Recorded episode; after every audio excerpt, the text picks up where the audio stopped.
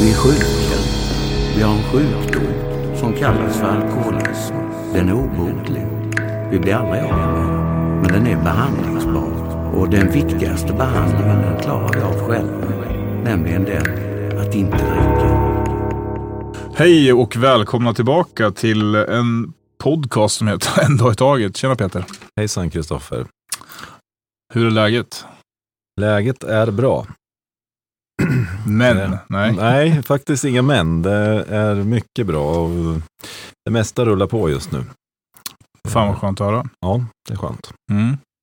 Jag eh, hakar på den trenden. Jag mår faktiskt eh, bra nu. Även fast det är mycket för mig just nu så gör, känns det positivt. Roligt. Mm. Du ville börja med att be om ursäkt. Ja, vi har ju varit lite dåliga på att spela in den här podden nu. Först blev jag sjuk och sen har det varit lite andra grejer. Men nu är vi tillbaks. Mm. Nej men jag, eh, jag eh, känner väl också att vi kan be om ursäkt, men samtidigt så ligger det nog ingen prestation bakom eh, den här podden så. Däremot så, som sagt var, livet hamnar emellan ibland, men som tur var så har ju varken du eller jag hamnat i någon dåligt återfall eller så, om det är någon som har varit orolig för det. Nej. Utan livet kommer emellan ibland. Det är mycket annat som ska avklaras också. Så är det. Vi kanske prioriterar dåligt. Prioritera podden dåligt. Ja, Mm. ja. Hörde, vi satt och tänkte lite på vad vi ska snacka om idag. Eh, och så högmodigt nog så började vi prata om att, att, vi, att vara föregångare. Eh, förebild eller vad man ska säga, man har kommit en bit i sin nykterhet. Vi har höjt oss Eh, dit nu alltså. Ja, Ja, nej. Men med väldigt ödmjuk ton inför det. Men någonstans så, man har ändå tillryggalagt lite tid Mm. i nykterhet. Och vad kan vi komma med för konkreta tips? Vad har, vad har funkat? Vad har gjort det mindre bra och så vidare? Mm. Bara lite öppet snack om det idag. Yes. Eh, om jag tittar tillbaks på när jag var på behandlingshem för två och ett halvt år sedan, då var man ju nere på bara sova och äta rätt.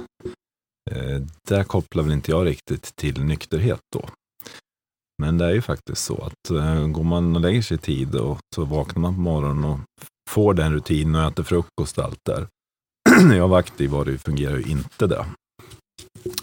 Så det är väl ett här grundtips som är väldigt enkelt. Sova bra och äta rätt.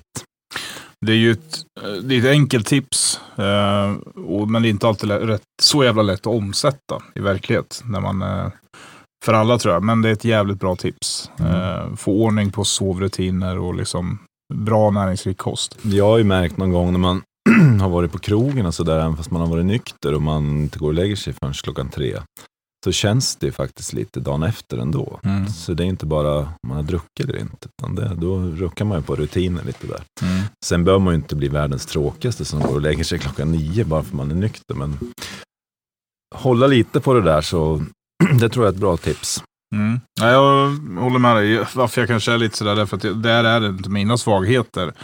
Eh, en bra, god dygnsrutin är inte min starkaste sida. Eh, och med det menar jag att jag har svårt att varva ner på kvällarna. Mm. Men absolut, de kvällar som jag somnar in och har en god nattsömn så eh, känner man ju verkligen där på morgonen att den dagen blir från start mycket, mycket bättre. Mm. Så det, det är ett riktigt bra tips. Sen kommer jag ju alltid in på träning också. Det är ju, för mig är det i alla fall en grej som gör mig väldigt gott. Mm. Och den som sagt har jag kunnat utveckla också när jag blev nykter. Eh, ruckar jag på det så känner jag av det direkt. Om Mm. jag inte tränar på en vecka, då känns det. Men som sagt, det är min personliga. Ja, men även här kan jag skriva, skriva under på det du säger. För jag hade ju en period av nykterhet på sju månader ungefär. Nu räknade jag ju inte dagar på det här sättet. Men runt sju månader var jag helt nykter. Och det föreföll sig bara av den anledningen att jag började träna. Mm. Eh, och då när jag såg ganska fort resultat på min hälsa och hur jag liksom eh, gick ner i vikt och började trivas med mig själv så, så var det inte värt under den perioden att dricka alkohol. Och så gav ju det där en positiv effekt av sig själv då. Ja. Ehm, men när jag sen, jag kommer ju ihåg den dagen än idag när jag tog den där första ölen efter sju månader. Eh, som egentligen kan man säga ledde till flera års långt och eh, spiralande ner till eh, när jag slutade dricka nu. Mm. Ehm, så tappade jag allt på sikt med träning och, och kosthållning. Eh, Kan man fråga sig varför då? Varför Ja, det tog du den där ölen? Ja, men det, det svår var... fråga. Nej, men det är nog inte så. Jag tycker det är en bra fråga. Alltså, grejen är nog att jag... Eh, viljan att sluta dricka byggde ju inte då på att jag egentligen tyckte att jag hade ett eh, tillräckligt starkt missbruk. Jag vet att det var en del av min tanke i det också, att jag livstidsförändra. Men jag hade nog inte förstått min själsliga sjukdom riktigt då. Och vad den faktiskt innebar. För jag gav mig ut i en nykterhet som eh, bara handlade om mitt ego. Eh, det fanns ju ingenting i det som handlade om gottgörelse eller bind, alltså skapa relation med människor. Liksom. Utan det var bara... Förstår. eh, Ja, nej, sen har vi ju den här, det har jag nämnt någon gång, men jag har ju som en liten bok som jag skriver i nästan varje kväll. Mm. Jag har gjort hela min nykterhet. Och det har blivit som en liten fem minuters varje kväll där jag samlar ihop dagen. Och det har varit ett jättestöd för mig. Mm. Så det är också ett sånt här tips, att det, det finns ju med i programmen att man ska göra så, liksom ha en daglig reflektion. Och, det har blivit som en liten dagbok Mm. där jag då tar upp om jag har varit en skitstövel, även om jag har gjort bra grejer. Mm. Så den där kan ju vara lite rolig att läsa och titta tillbaka i också. Sen för jag, jag är så statistiknörd, så jag för lite statistik där med hur många dagar jag varit nykter, så pilar om det var en bra dag, hur jag Mm. mådde. Och, men det är ganska intressant att titta tillbaka. Mm. I början var det lite så här jobbigt att skriva i det, men nu tycker jag det är ganska skönt. Mm. Så det är ett tips. Det är väl så med alla rutiner kan jag tänka mig, att när man väl kommer in i det så blir det någonting man behöver göra för att lasta ur sina tankar på kvällen. Och jag tror jag skulle vilja bara nämna i det här sammanhanget att vi kommer försöka ta fram så mycket handfasta tips och sådär som vi har goda erfarenheter av och kanske saker som vi har mindre goda erfarenheter av. Men en viktig tanke är också att är man tidigt in i sin nykterhet eh, så bör man inte känna någon press mer än att faktiskt eh, ta en dag i taget. Alltså fokusera på en sak i taget. Eh, och det kan vara så enkelt som att eh, ja, ta en rutin. Att du ska äta gott eller gå och lägga dig i tid. Eller, alltså, gör inte för mycket på en gång. Nej, det är väl just det, det kan bli för stort om man gör allt som föreslås Mm. på en gång. Det, det är helt riktigt. Men eh, det, dagar som jag... Eh, alltså jag är dålig, det ska jag ändå erkänna på.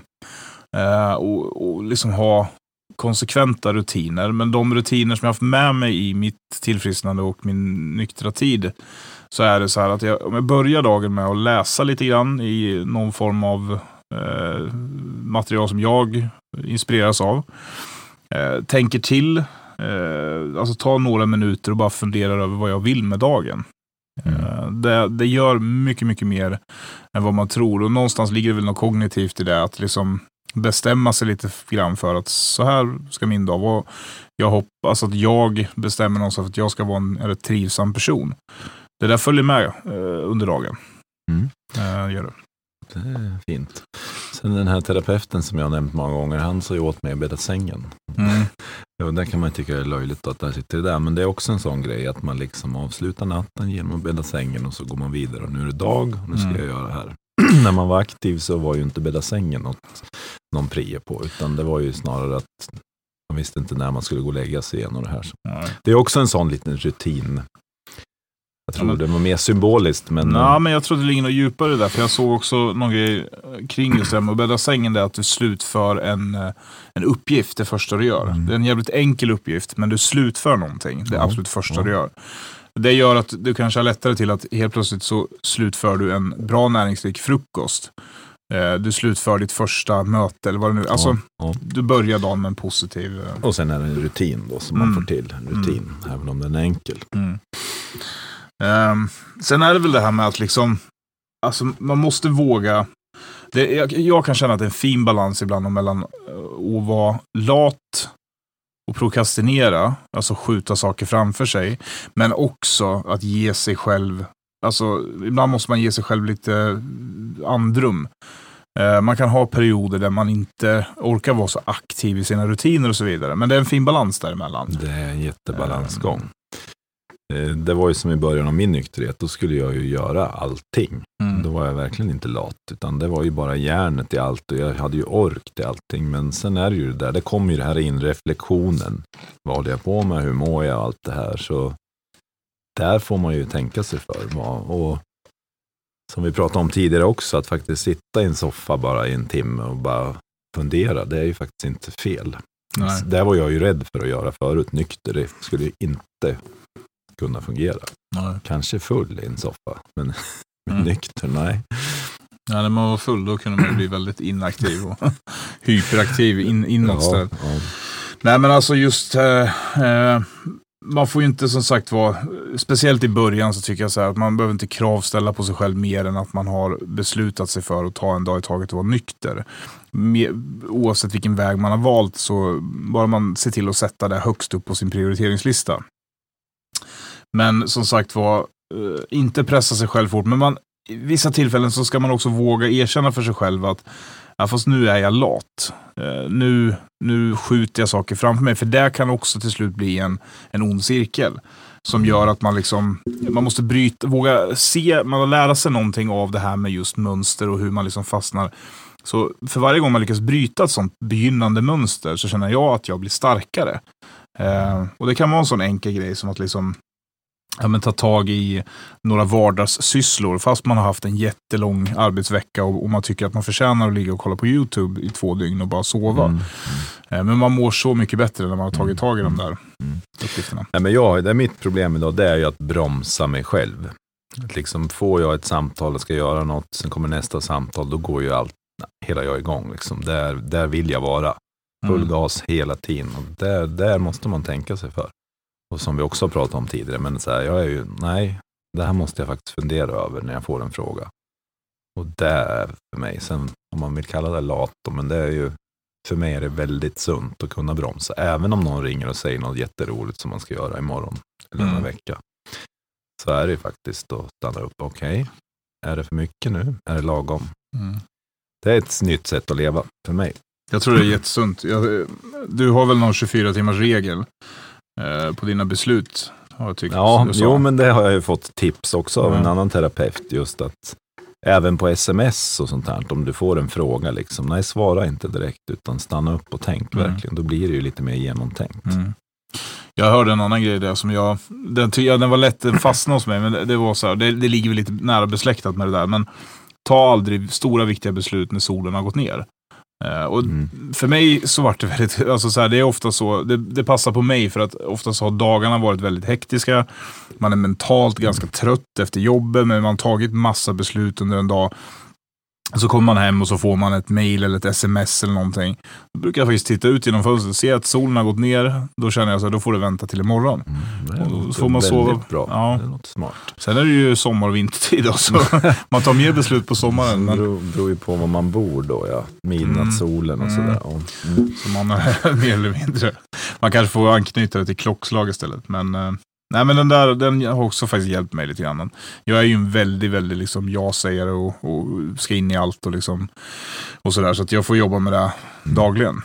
Ja, och sen för min del, jag tänker efter, det var ju många beslut togs ju på kvällstid när man var berusad. Mm.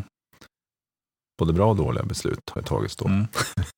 Så är det. Så det är lite skillnad idag när jag tänker efter. Mm. Och det är ju så, alltså jag menar det kan man skjuta på det 24 timmar och ha, alltså, tänka efter före. För det är just när man tar det där impulsartat, det är ju olika delar av ens hjärna som, som agerar. Och, och Det är svårare att ta tillbaka ett beslut och det kan leda, det kan också bli så spiraler.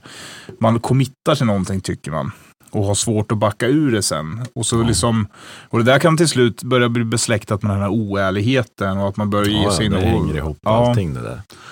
Så att, eh, Nej, men det är väl som vi säger, tänka till en gång extra. Mm. Det är något man inte gjorde, jag inte gjorde förut i alla fall. har du några riktigt dåliga exempel på saker du har tagit beslut på, på kanske fyllan eller? Ja, nej, jag har ju många, det finns ju skräckexempel på det här, alltså som eh, investerat i ja, maskiner för x antal miljoner, tagit beslut när jag varit kraftigt berusad. Som jag tyckte var jättebra då. Sen eh, omgivningen har ju reagerat liksom. Mm. Hur gick det här till? Ja, då? Det var ju skitcoolt liksom. Sådana där grejer har jag ju några, några stycken faktiskt. Så det är ju, jag tog upp det där på behandlingshem. Ja, men det har ju blivit jättebra sen. Det var en jättebra investering. Ja, Men det kanske var just det då. Men, men det finns ju många dåliga beslut man har tagit också. Alltså jättedåliga beslut. Eh, Man har sårat människor och Mm. skadat sig själv. Alltså det finns så mycket. Det, det, det är svårt. Men Och där, där du säger där att det kan ju vara vissa beslut man har fattat som ur ett perspektiv har blivit bra. Ja, Men som du ja. säger, du kanske har kört över folk eller man har gjort så. så där, jag känner igen mig i det där. konsekvenserna. Mm. Och om inte minst med relationer. Eh, Ja, det är ju där. Där sitter ju mycket ja, problematiken. där har man ju också tagit den känslomässiga flykten många kvällar och tagit beslut i olika Mm. relationer och tyckt att man liksom så här. Sen får man ju i så fall ta ansvar för det efteråt. Sen är ju, det är ju en tjusning där. Jag pratar mycket med min far om det här som har drivit, vi har ju drivit en mekanisk verkstad och det har ju varit, tjusningen har ju varit att tagit mycket så här spontan beslut. Kanske inte bara att man ska göra på fyllan, men, men samtidigt, sen ju större företaget blir ju och man har andra människor, då gäller det ju liksom att se konsekvenserna. Det är ju faktiskt inte bara jag här, utan det är Mm. andra människor också. Det spelar ingen roll om man är nykter eller onykter Mm. egentligen. Det gäller ju alla. Mm. Men det är ju också någonting som jag tycker växer ut med, alltså, utan att sätta mig på någon hög häst, men för första gången i mitt liv så har jag i alla fall börjat utveckla en känsla för empati har jag haft, men alltså en, vad ska man säga, mer strukturerad, låter jättekonstigt, men strukturerad empati där man också faktiskt i sina dagliga beslut väver in andra människors, eh, alltså hur de kommer drabbas av det i stort och i litet. Mm. Eh, vad innebär om jag inte hör av mig och berättar vart jag är? Istället för att utgå ifrån att jag har väl rätten att vara där jag är. Förstår, alltså, förstår du skillnaden där?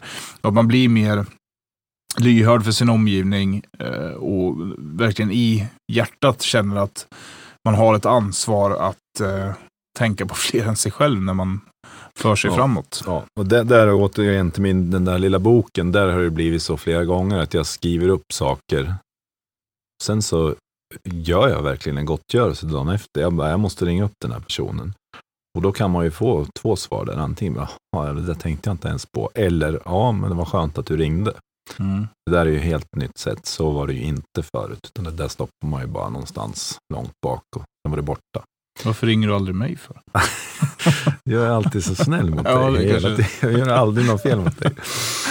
Jag Nej, tror ja. faktiskt att jag skickade någonting till dig en gång när vi var ute och gick på en promenad. Men Ja, inte minns fel. stämma, Ja. med något hjärta. Ja, det, mycket, mycket riktigt. Det är kanske är jag som ligger på minuskontot. Nej. Nej, men så är det. Så tycker jag också en viktig eh, reflektion som jag har. Och ibland tänker jag så här att eh, jag måste ju alltså, låta som en extremt känslomässigt korkad person. Och det är jag nog. Men det är för mig det här nya känslor och upplevelser. Och det är så enkelt som att förr så var man ju alltid så här att om, om jag jag kunde eh, alltså någon nästan så objektivt se att jag hade rätt att s- känna en viss sak, ett ämne. Eller förstår? Jag var ju far efter typ så här att ja, men nu har jag gjort allt det här. Vi har pratat lite om det här förut. Mm. Jag har jobbat, gjort bla bla bla. Mm. Och, och någonstans så här, skulle man då ta in en objektiv domare så, så kommer in och säger ja, Kristoffer har rätt. Ja. Absolut. Men eh, det är ju sådär, det är ju också egot i att så här, när jag har fel, då har jag alltid liksom begärt att alla ska förlåta, förstå och liksom Mm. gå vidare. Mm. Eh, och när jag har rätt så ska alla förstå att de har fel och de ska anpassa sig efter att jag har rätt. Skillnaden nu är att jag försöker och, och vid ett flertal tillfällen också inse så här att ja, men, alla de här människor runt omkring mig som jag faktiskt älskar och som har funnits och stöttat mig, de gör fel ibland. Mm. Och ibland så, så kan jag, jag vet att det här låter jävligt efterblivet med tanke på, men det är ju så. Och då är det så här att jag kan komma på mig själv med att, säga, men herregud, det är ju så enkelt att bara förstå att just nu har de en dålig dag. Mm. Och så blir man inte kränkt för det. Och så liksom går man inte in ner i sin egen offerkofta i det. Och så kanske man till och med ger någonting. Ja. En eh, massage eller en kram, en puss extra. Och vips, så enkelt var det. Så vänder det där. Mm. Och tänk att man skulle behöva bli 34 år gammal innan man börjar fatta att... Ja, eh, jag är 45. ja. Ja, nej, men jag kopplar tillbaka det där till man, bara det här med att man står och diskar förut. Mm, Och sen så, kolla här, jag har faktiskt diskat. mm, Det är ju där det handlar om egentligen. Varför, varför måste jag ha cred för det? Så var det ju alltid förut. Kolla, jag har gjort det här. Mm. Men ja, det, det är ju där det sitter. Liksom. Det, det är ju, för en sund människa tror jag det är naturligt. Man diskar, man behöver inte ha någon som slår en på tackar en för det. Liksom. det Nej men och sen är det väl så här att det, det är väl också att det är klart, alla människor har väl någon form av bekräftelsebehov och man, man hjälper till, man gör saker för varandra. Och sen kan man nå gränsen ibland. Man känner, nej men nu räcker det liksom. Nu, Mm. nu har du varit för dum mot mig. Så att man har ju också lärt sig vart man ska dra sin gräns. Men man drar sin gräns på ett mycket, mycket kanske mognare sätt. Man, istället för att säga att nu jävlar, far åt helvete, vi, nu skiter vi i det här, eller du kan sluta, eller vad, vad, vad fan det nu än är. Så tar man det liksom så här, okej vi tar ett andetag, vi pratar om det här imorgon. Hela världen har inte rasat för att jag blev kränkt eller för att, ja. Nej, men sen handlar det om gränssättning där. Vi har ju tagit upp medberoende förut och det är ju, vi, man måste ju komma ihåg att vi är ju också medberoende. Bara för att vi är beroende så är vi ju inte med, vi är ju ber, medberoende också. Så det är ju en gräns där också. För det är som det här, du är ju en alkis, du kan inte ha vad som helst. Liksom. Nej, så är det inte. Utan det handlar ju Mm. också om att resa på sig att nej, nu har någon person sagt någonting till mig Mm. som jag inte tycker om. Då får man ju faktiskt tala om det också. Så är det ju. Eller i alla fall ta ansvar för att dra sin gräns. Ja, Det här tycker inte jag är okej, även Ja. fast jag är alkis. Mm. Liksom. Nej, man kan ju inte leva i skuld och skam hela sitt liv. För jag menar, någonstans så kommer det bara driva en tillbaka till missbruket. Mm. Och då, då bekräftar man ju egentligen bara och t- tillåter sig att bli den där dåliga människan. Om man sakteligen också förlåter sig själv och eh, inte för allt, men någonstans ska man göra gott och, så, och söka i alla fall eh, andras förlåtelse. Men man måste i alla fall kunna långsamt bygga någon självkärlek och förstå att man har en, ett existensberättigande. Ja. Men det är väl den Eh. brottningsmatchen där, mellan egot och gränssättning. Den Mm. jobbar ju jag massor med. Liksom. När är jag ego och när kan jag sätta en sund gräns? Mm. Det är inte självklart för mig. Nej. Och eh, jag tror mycket av det här vi pratar om är ju inte bara vi eh, nyktra alkoholister eller Nej, alkoholister som Nej. upplever. Men jag tror att det kan vara, alltså lösningen för oss har varit annorlunda. Istället Ja. för att tänka på det och fundera och, och mogna och liksom utvecklas så har vi valt spriten eh, som lösning på, Mm. på våra problem. Sen jag har ju varit expert på att samla på mig, liksom, framförallt i relationer. Att små, små stick från andra som jag bara lagt bakom mig. Nej, det är ingen fara, det är ingen fara. Sen har jag varit på fyllan på fredagen och Mm. allt har kommit liksom. Vad i helvete, din Mm. jävla... Och så vidare. Och det är ju absolut inte något trevligt sätt att vara så. Så Nej. där menar jag att där kan man faktiskt tala om att nu vart jag lite kränkt för att du sa så här. Man Mm. säger det på ett trevligt sätt. Så Mm. var inte jag förut, utan då var det liksom, jag samlar ihop det här nu Mm. den här veckan. Sen ska ni fan få veta vad ni har gjort. Liksom. Mm. det är ju, ja så är jag och det är inget trevligt. Nej, och jag, jag har dåliga om jag ska säga, tips och tricks. Jag Dåliga jag, tips. Nej, nej, men ja, eller så här, analyser av att jag, jag känner så här, jag är ju en extrem kravställare på min omgivning och det är jag fortfarande. Eh, men jag, jag är också en extrem kravställare på mig själv. Utifrån att, Mm. jag, även om jag har tillryggalagt snart tio månader av nykterhet så betyder inte det att jag har blivit Jesus. Snarare börjar jag se ut som Buddha, eller jag har nog sett ut som honom hela tiden. Men, nej, men det jag ska säga är att jag tycker eh, jag, jag, jag måste jobba mer med att det är inte prestationerna som definierar mig. Eh, och det är, fort, det är någonting som jag antagligen får jobba med resten av livet. Men det gör ju också att man ska kunna kravställa. För det, det måste du kunna göra i livet. På dina barn, på dina, din sambo, dina kollegor. Det finns massa situationer där man måste kravställa. Och man ska Mm. kravställa på sig själv också. Men det måste bli någon form av rättvis kravställning utifrån ett humant perspektiv. Med kanske någon form av, det grundläggande ska vara konstruktivt och bygga på, alltså låter flummigt med kärlek i botten, att det ska finnas en, en, en välvilja med det. Ja. Och sen titta på sig själv, nummer ett. Det är ju det som vi gör skillnad nu. Att innan du kommer med alla dessa krav bör du titta på dig själv. Mm. Det gjorde ju inte vi förut. Nej. Utan då var det ju, man var en apa eller clown själv. Men omgivningen skulle bete sig på ett visst sätt. Innebörden av, eh, jag fick upp någon sån här gammal kick-off i huvudet. Och då gick man, alltså det var ju också så här, man lyssnade på så här, det var ju ofta så här personlig utveckling och sådär. Eh, Det enda man så tänkte på var ju barsnacket. Så man smet ju gärna iväg liksom. Och, men då vet jag, det var någon som ploppade upp i huvudet nu, den här, när man pekar på någon så har man alltid tre fingrar bakåt. Eh, och den, den, den har ju faktiskt en betydelse, och man kan liksom, vi om något ska ju verkligen ta till oss av den. Peka på någonting men du har tre fingrar bakåt. Mm. Det ploppade upp nu. Intressant. Ja. Men det tog man inte åt sig av då. Då pekade man med hela handen bara. Mm. Det, kan, Jajamän. det gör du fortfarande. Alltså. Nej, nu kämpar med dig min vän. Ja. Jaha, mer tips och tricks. Kommer du på något? Stubben i skogen? Ja, just det. Det kan vi ju nämna. om Den stubb. Det pratar vi om, ja. Just det. Ja, nej men det, det som stubben i skogen, det var väl just det att jag hade suttit och kollat in i akvariet någon gång där. Och Mm. nu, den här bilden jag la ut på Instagram, där jag sitter på en stubb i skogen, var ju arrangerad då.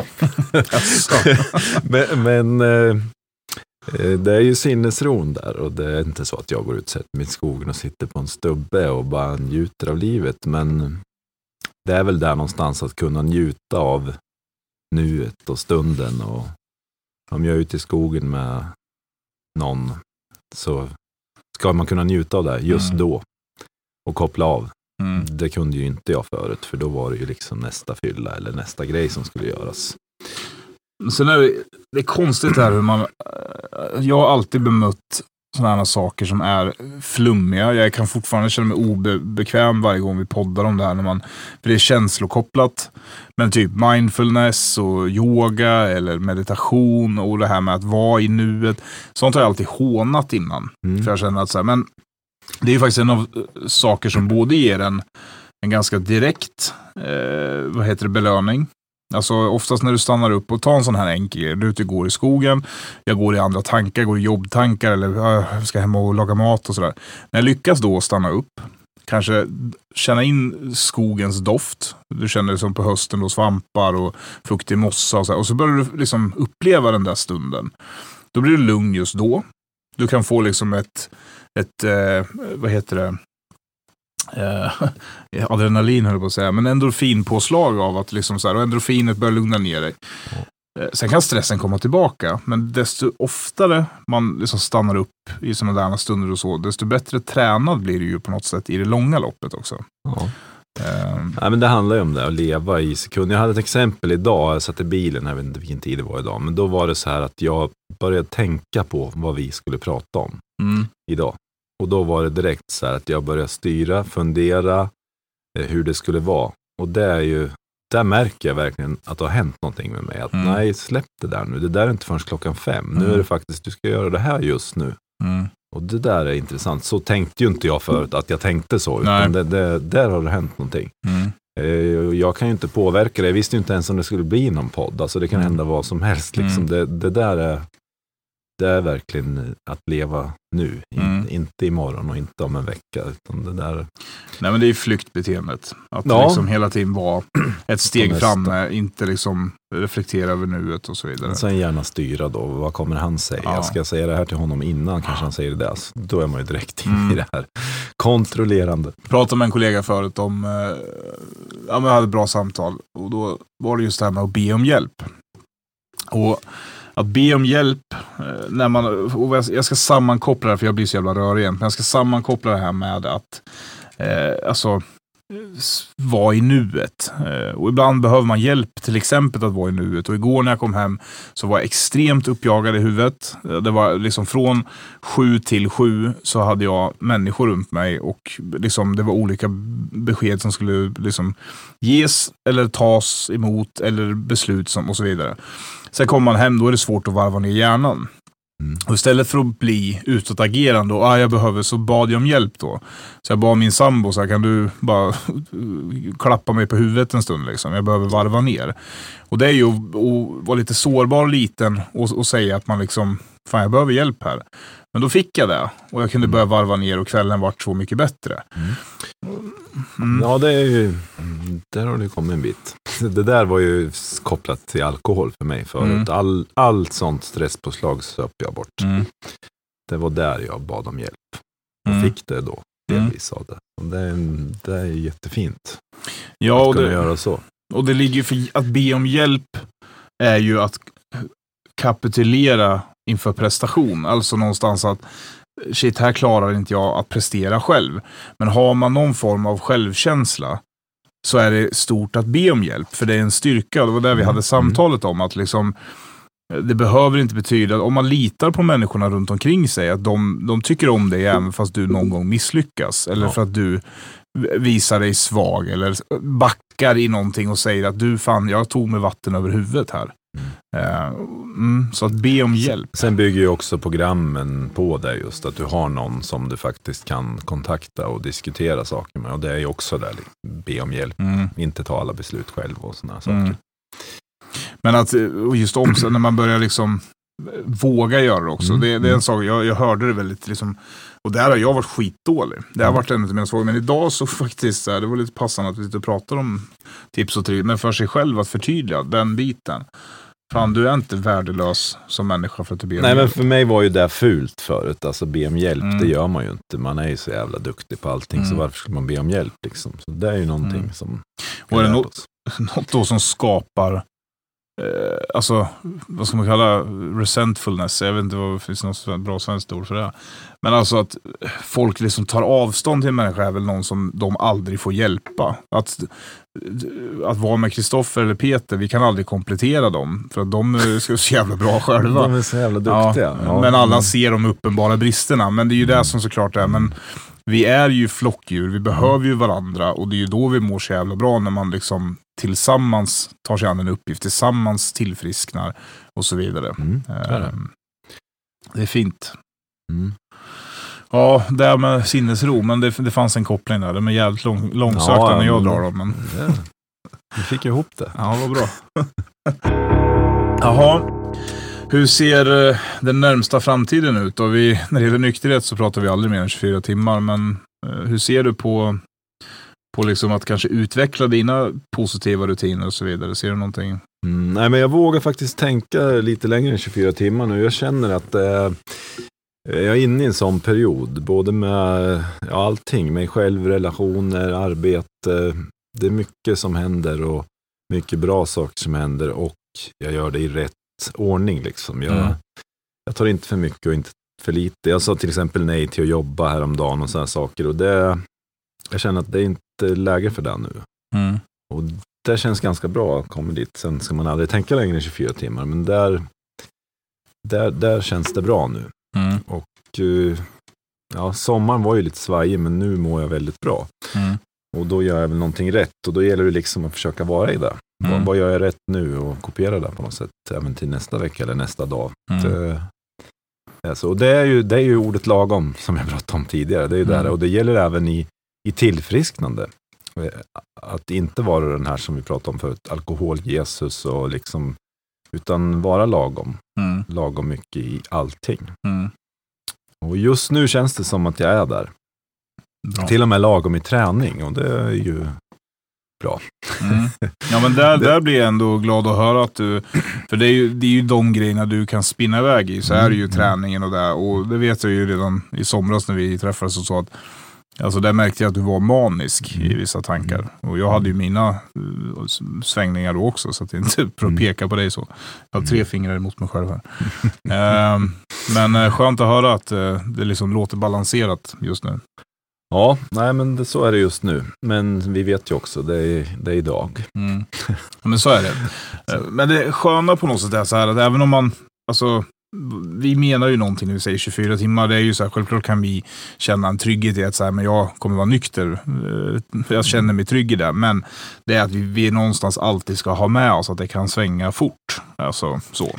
Men jag skulle säga att det som har varit för mig en positiv, jag har haft ganska obalans egentligen i hur jag, det har varit extremt mycket eh, jobb. Det har varit extremt lite av det som är bra för mig, om man ska säga träning, kost, eh, hälsa, mindfulness, möten och så vidare. Men jag, jag har ändå en ganska stabil grund att stå på. Och en positiv sak som jag tar med mig där är att jag har odlat en starkare relation till min sambo. Alltså jag lyssnar mer på hennes råd och hennes känslor och hennes upplevelser. Även om jag tror att hon inte alltid uppfattar det så tar jag till mig mycket mer av det hon säger på ett positivt sätt och inte som en anklagan. Och det hjälper mig att liksom balansera mig någonstans. Och sen har jag också en bra, bra relation med min eh, sponsor där jag liksom eh, kan stöta och blöta allt från jobb till nykterhet till liksom så. Mm. Ehm, och sen är jag, faktiskt ska jag säga också, jag är jävligt glad att vi sitter här igen Peter, för du är också en viktig del i mitt liv när det gäller min, min nykterhet och välmående. Jag tycker om att prata med dig. Det tackar jag för och det, detsamma till dig. Mm. Tack. Men det är väl som du säger med flickvän där och sponsor, det är ju så. När man är för mycket i egot och tar alla beslut själv och inte lyssnar på någon, då mår man sämre. Mm. Lyssnar man på den man lever med eller sin sponsor så då blir, då blir det bra. Mm. Det, det, har vi också lärt oss. Mm. Så, Det, det rimmar ju där. Gör man vad man ska så blir det bra. ja, det låter ju jätteenkelt, men det Ja. är ju där någonstans det ska vara. Mm. Och jag tycker jag är rätt okej med att det, det här är en berg och dalbana. Och just nu så är man på en rätt skön del av, av banan. Liksom. Mm. Det kommer de här jobbiga, det bara ska suga i magen eller tryckas ner i sätet en stund och sådär. Mm. Men det är okej. Ja. Nej, sen finns det en annan tanke som är farlig och det är ju när man mår så här bra. Vad va fan, jag mår ju så bra nu så att vad fan, det skulle nog till och med kunna dricka. Mm. Och den är ju otäck och den snubblar ju många på. Mm. Det, det är förrädiskt alltså, Mm. när man mår för bra. Och då gäller det ju att tänka tillbaks faktiskt på historien. Mm. Vad hände när jag trodde det sist? Liksom?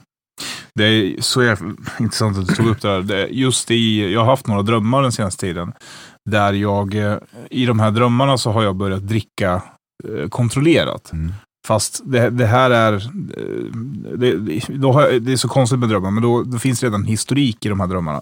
Att jag har börjat dricka kontrollerat och jag döljer det här för min omgivning. Och så är det hela tiden att jag går och dricker, jag går och, och har undanflykter så ska jag gå och ta den där ölen. Men jag vet att det kommer eskalera. Men, så det är, det är en drö- dröm som säger precis någonting om det. Att just nu mår jag bra, då pockar det på. Och nummer två är att jag i mitt vakna tillstånd så har absolut de tankarna liksom slagit mig. Eh, Och det är det som är så konstigt ibland, att man verkligen, verkligen så här ifrågasätter om är jag alkoholist. Det var inte jag, men jag var väl periodare mer. Ja, Eh, Men man, man har lärt sig i alla fall att Det- rannsaka sig. det är många som vittnar om det i just den här sjukdomen, Mm. om vi nu kallar det. att det spelar ingen roll om du har varit nykter i 30 år, Mm. så kommer de här tankarna att ja, men det var inte så farligt och jag kanske kan och det här liksom. Men Mm. det är ju där man måste lära sig att hantera det. Mm. Att, nej, Det kan jag inte. nej, ta bort det där nu. Ja. Det, det, det är så. Det som är för oss eh, livslång medicin för det, det är väl att eh, prata om det.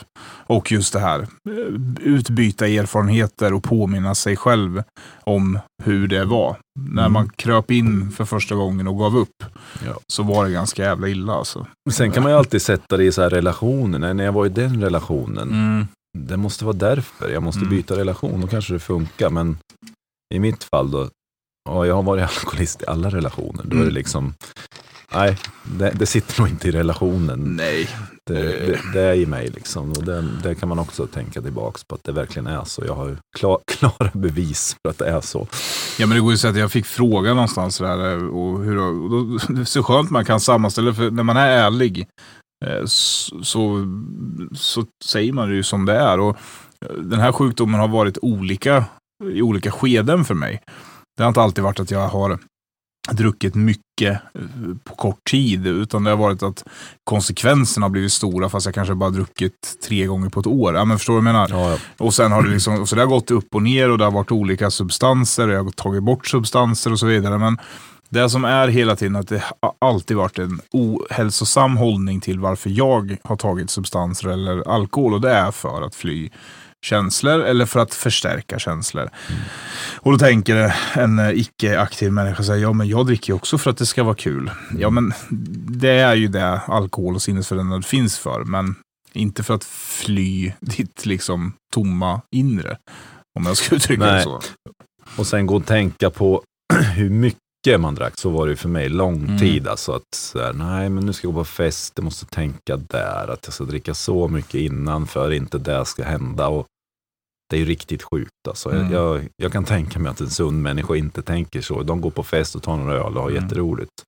Men hela uppbyggnaden för mig var ju liksom ett skyddsnät för att jag inte skulle krascha, för att jag inte skulle göra bort mig, för Mm. att jag inte skulle säga något dumt till någon. Alltså, den processen innan var ju egentligen hemsk, Mm. att man utsatte sig för det. Varför förstod man inte redan där då att Mm. fan, det är ju ingen idé att gå på festen eller att jag är nykter, men liksom nej, jag måste ju ändå vara. Och sen slutade det oftast med att man var dyngrak då klockan tio och Mm. ah, fan, det gick ju Mm. inte bra igår heller. Skit. Och ska jag eh, tänka framåt så är det om jag ska ge mig själv ett råd eh, och spela in det i någon form av podcast och lyssna på det sen. Eh, och Mm. kanske någon annan som lyssnar på det så är det att eh, när det inte går toppen med rutinerna så börja med det enklaste. Alltså plocka upp den där boken och läs fyra rader. Mm. Eh, så är man, börjar man en resa igen mot det, det positiva. Och sen så en reflektion som jag har med mig från Ehm, det här man går och ibland ondgörs över att man inte får sitta och dricka och, och du vet festa och ha kul och sådär. Jag var på en middag med min bror och min sambo förra veckan. En spontan middag. Och, alltså, det var så jävla mycket värme, skratt och glädje i den middagen. Som var så här, eh, fokus kring god mat, att få träffa de man älskar mest. Och, och du vet skratta så tårarna rinner. Mm. Och sen åka hem och alla mår bra, ingen har blivit skadad känslomässigt eller fysiskt. Och så går man och lägger sig samman.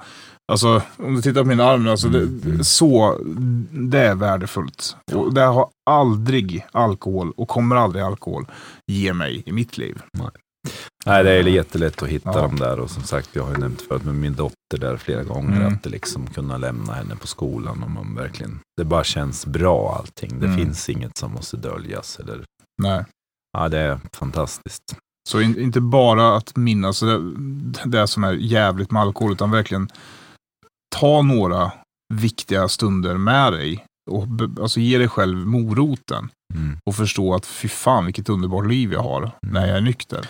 Nej, men vi pratade väl någon gång om tacksamhetslista och det har jag hört Mm. många andra göra också. Det är ju verkligen det att göra en sån lista, skriva upp det. Vad är jag tacksam för nu? Mm. Den är ju ganska bra att ha. Liksom. Mm. Det, det finns mycket där. Verkligen. Peter, Mm. vi eh, planerar att eh, ta in en gäst nästa avsnitt. Mm. Det ska bli kul. Det ska bli jätteroligt. Verkligen. Det blir eh, eh, en intressant person eh, ur typ medberoende perspektivet. Mm.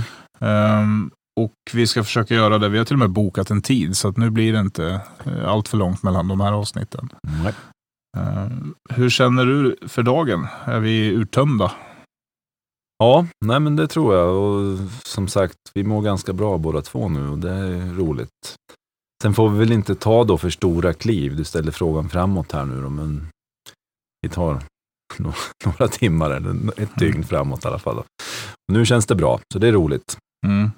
Skönt. Så får vi hoppas att vi blir förlåtna här nu då, att vi har haft ett litet uppehåll. Mm. Du, du gjorde ju gottgörelsen. Jag duckade den, men Ja, då tar jag den nu. Jag ber också om ursäkt. Ja, bra. Eh, bra. Ja, jag trodde väl ingen ville lyssna på mig. Det är väl det, så att jag tänkte att jag hade inget. Du, Ja, ser, vi, vi, har några, vi har några trogna som hör av sig här som Ja. har koll på oss. Vi måste Ja, vi har ett det- ansvar nu. Det är bra. Mm. Det ska vi förvalta. Mm. Skönt att prata med dig igen Peter. Detsamma. Och hoppas verkligen att vi har eh, kunnat ge någonting till er som lyssnar på det här avsnittet. Yes. Tack för idag. Tack så mycket. Hej då.